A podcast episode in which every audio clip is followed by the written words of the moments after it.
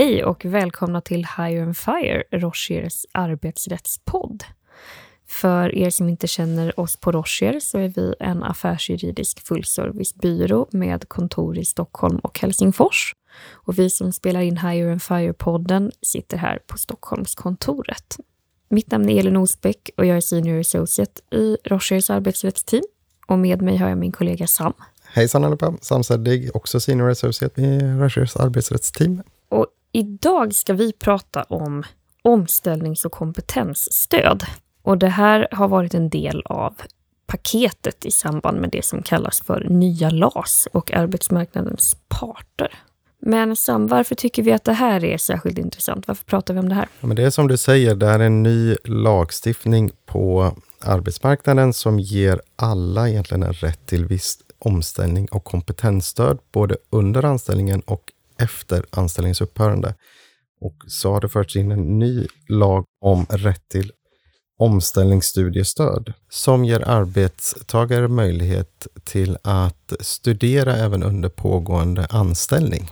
Och det här är ju ett extra relevant paket nu när varslen tyvärr duggar tätt och vi är inne i en lågkonjunktur och eh, stödet har ju visat sig vara väldigt, väldigt populärt bland arbetstagare.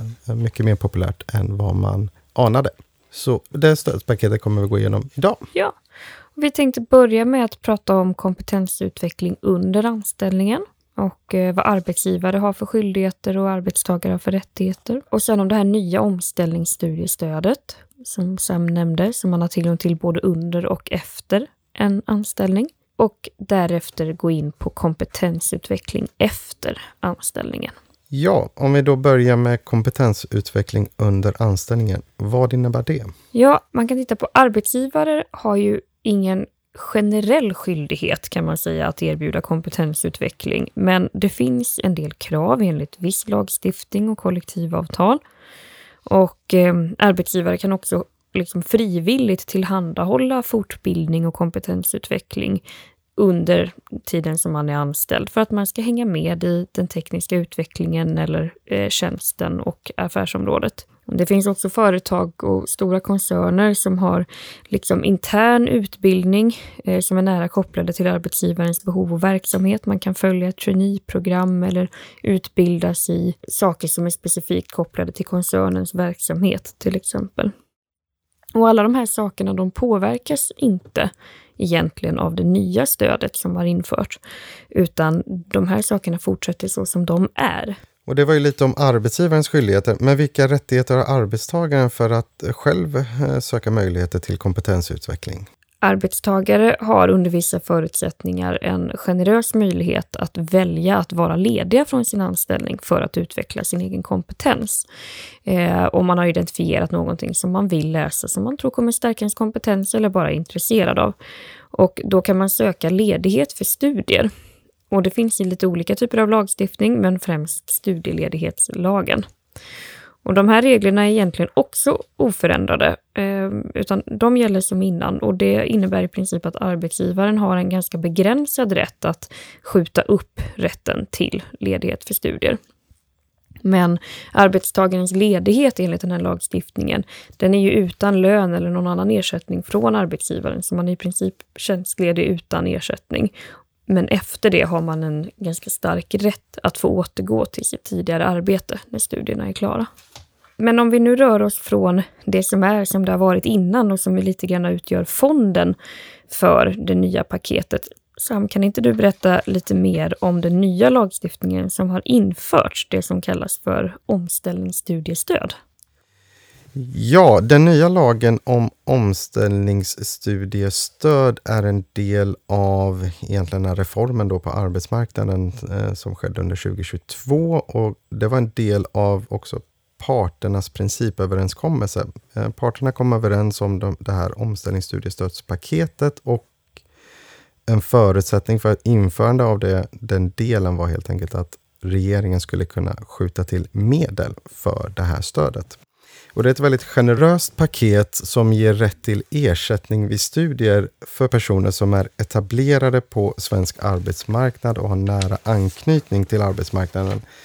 Det här extra stödsprogrammet, det är inte till för personer som står längre ifrån arbetsmarknaden, antingen för att de är till exempel långtidsarbetslösa eller nyanlända eller liknande. Och för att kunna få det här stödet så måste man uppfylla vissa krav och ett av de här kraven är att utbildningen ska stärka arbetstagarens ställning på arbetsmarknaden. Och det här är en bedömning där de nya omställningsorganisationerna ska ge ett yttrande kring om en viss utbildning mot bakgrund av individens egna förutsättningar och möjligheter, om den utbildningen kan stärka arbetstagarens ställning. Så det kan vara så att tanken inte är att man ska ta ett friår och läsa på om drejning? Precis. Eh, hobbyutbildningar och utbildningar av mer självuppfyllande karaktär är utanför det här omställningsstudiestödspaketet. Och samma gäller utbildningar eller kompetensutveckling som ligger inom ramen för anställningarna som arbetsgivaren har en skyldighet att tillhandahålla. Du sa ju innan att stödet är väldigt generöst ekonomiskt och då blir man ju nyfiken. Hur mycket pengar kan man få för att förstärka sin egen kompetens? Det ekonomiska stödet som man kan få både via CSN och via huvudavtalens kompletterande studiestöd kan uppgå till hela 80 procent av ens lön, upp till ett visst takbelopp. Det låter ju väldigt generöst, mycket mer generöst än det vanliga studiestödet som man får när man är lite yngre. Absolut, och det ger ju de anställda en, en riktig morot att verkligen våga ta klivet och studera. Och det ska också sägas, det här programmet är ju utöver det vanliga studiemedlet. Så även om man har nyttjat sin rätt till vanligt studiemedel så kan man använda det här programmet. Fantastiskt. Och utöver den här lagen om omställningsstudiestöd så har det också förts in en lag om grundläggande omställning och kompetensstöd. Vad innebär det? Men om, omställning och kompetensstöd är ju egentligen ingenting nytt på arbetsmarknaden. Sådana rättigheter har eh, redan funnits genom kollektivavtal under en längre tid. Men nu har det förts in en lag som ger alla anställda en rätt till omställning och kompetensstöd. Och det här stödet kan man få vid, framförallt vid arbetsbristuppsägningar eller där man har ingått ett avtal med arbetsgivaren om avslutande av anställningen vid arbetsbrist men också ett förstärkt skydd vid upphörande av anställningen på grund av sjukdom. Och då kan man i samband med uppsägningen få rätt till rådgivning och vägledning och CV-coachning och liknande stöd för att kunna ställa om och hitta ett nytt arbete. Men det ligger då liksom utanför eller i, i tillägg till det som man redan har kunnat få via Arbetsförmedlingen? Precis. Tidigare har man kunnat få det här stödet via omställningsorganisationer som till exempel TRR och TSL. Och nu mera kan alla som inte omfattas av något kollektivavtal på sin arbetsplats också få det här stödet via den nya offentliga omställningsorganisationen Kammarkollegiet. Om, om man arbetar på en arbetsplats där det finns kollektivavtal så kan man inte få rätt till det offentliga stödet, utan då får man vända sig till, sitt, eh, till sin egen omställningsorganisation beroende på hur kollektivavtalet ser ut och få det stödet som framgår av det aktuella kollektivavtalet. Och vad händer då om det skulle vara så att det kollektivavtal man täcks av inte sätter upp eller omfattar en sån omställningsorganisation? Ja, då kan man hamna i kläm, för då har man inte rätt till stödet via lagen, för det kräver att det inte finns ett kollektivavtal på arbetsplatsen. Och samtidigt så ger inte kollektivavtalet någon eh, rätt till omställning och kompetensstöd. Eh, så då blir faktiskt medarbetarna utan något stöd. Intressant. Man kanske får se, då kanske det blir högre tryck på de organisationerna eller kollektivavtalsområdena som inte har sådana. Att skaffa ja, det. Det finns absolut en, en sådan risk. Jag tror att senaste siffran jag såg så är det cirka 90 procent av eh, arbetstagarna på svensk arbetsmarknad som omfattas av kollektivavtal. Men det är inte säkert att alla de kollektivavtalen faktiskt innehåller eh, regler och bestämmelser om omställning och kompetensstöd. Så det gäller att titta i kollektivavtalet och se vilken rätt man har enligt den. Och du nämnde ju tidigare att det här är ett stöd man kan få om man blir uppsagd, främst då med fokus på arbetsbrist eller sjukdom. Har man alltid rätt till det stödet då eller finns det några begränsningar? Ja, det finns begränsningar. Som sagt så får man det här stödet framförallt vid arbetsbristuppsägningar och inte vid uppsägningar på grund av personliga skäl med undantaget sjukdom. Då. Sen gäller det också om man ska få rätt till stödet enligt huvudavtalen att anställda avstår från att tvista om en uppsägning. Tvistar man om uppsägningen då har man inte rätt till omställningsstöd eller kompetensstöd via huvudavtalen. Och som vi precis sa då att omfattas man av ett huvudavtal då kan man inte heller få det lagstadgade stödet. Så tvistar man så får man inte rätt till något grundläggande omställning eller kompetensstöd. Det låter ju ganska hårt. Ja, och det är väl en tydlig indikation kanske från arbetsmarknadens parter att ska man använda sig av omställningsstödspaketet så ska man vara beredd att faktiskt gå vidare och inte tvista för att få tillbaka sin anställning. Det finns en del som har formulerat det som att anställningsskydd är inte bara i relation till arbetsgivaren och den anställning man har, utan att det som ger verkligt anställningstrygghet på lång sikt är kompetens. Eh, den individuella kompetensen man har och anställningsbarheten. Och det, det ligger lite i linje med det också.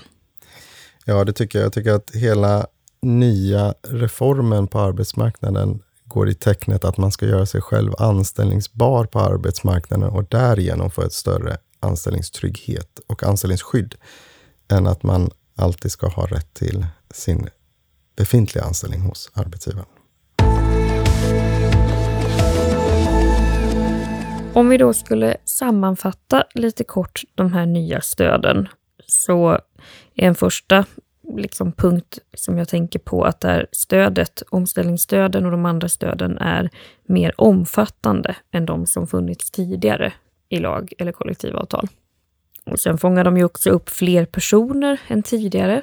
Eh, fler personer berörs eller har rätt till de här stöden.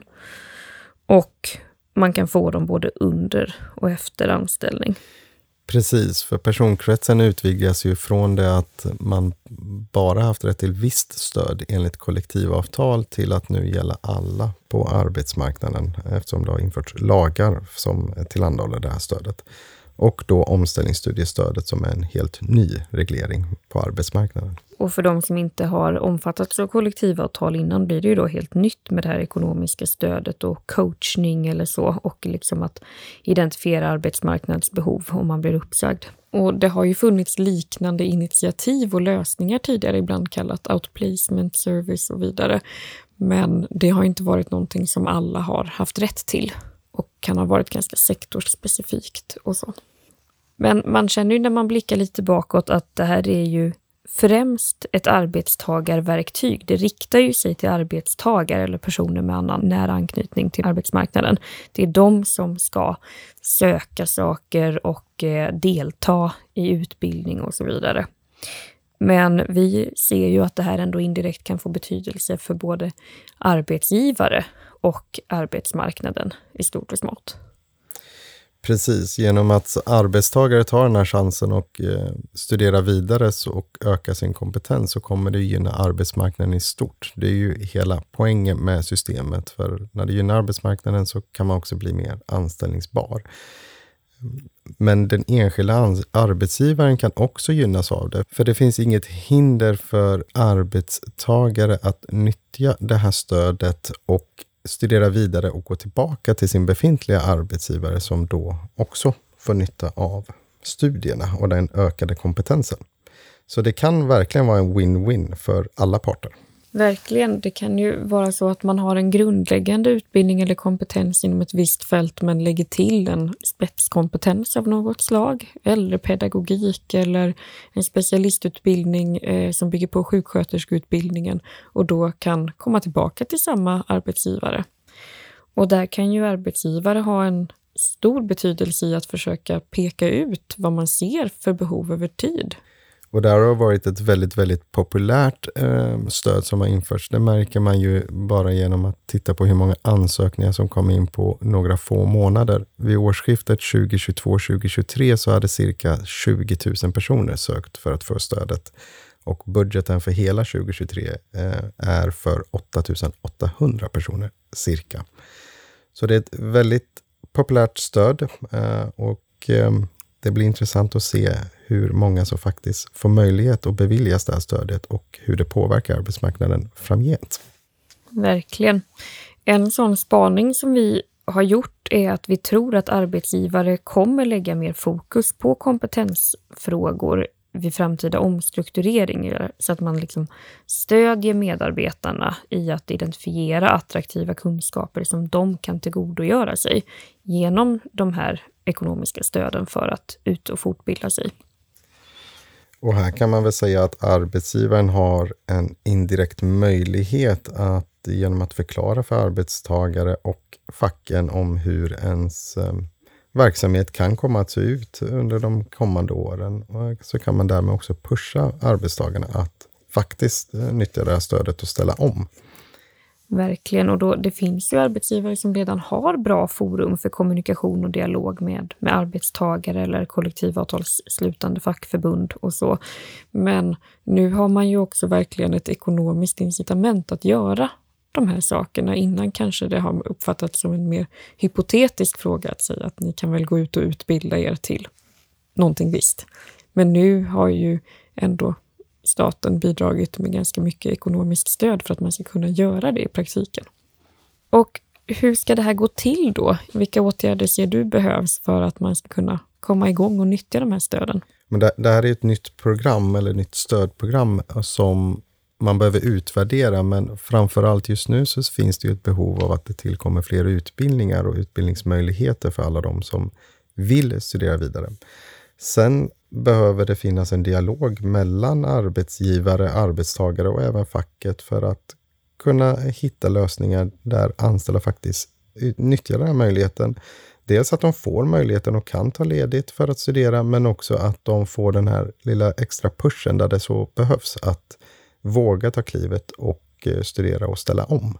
För det är inte alltid lätt mentalt när man har arbetat i väldigt många år och är lite mer senior att våga ta det klivet.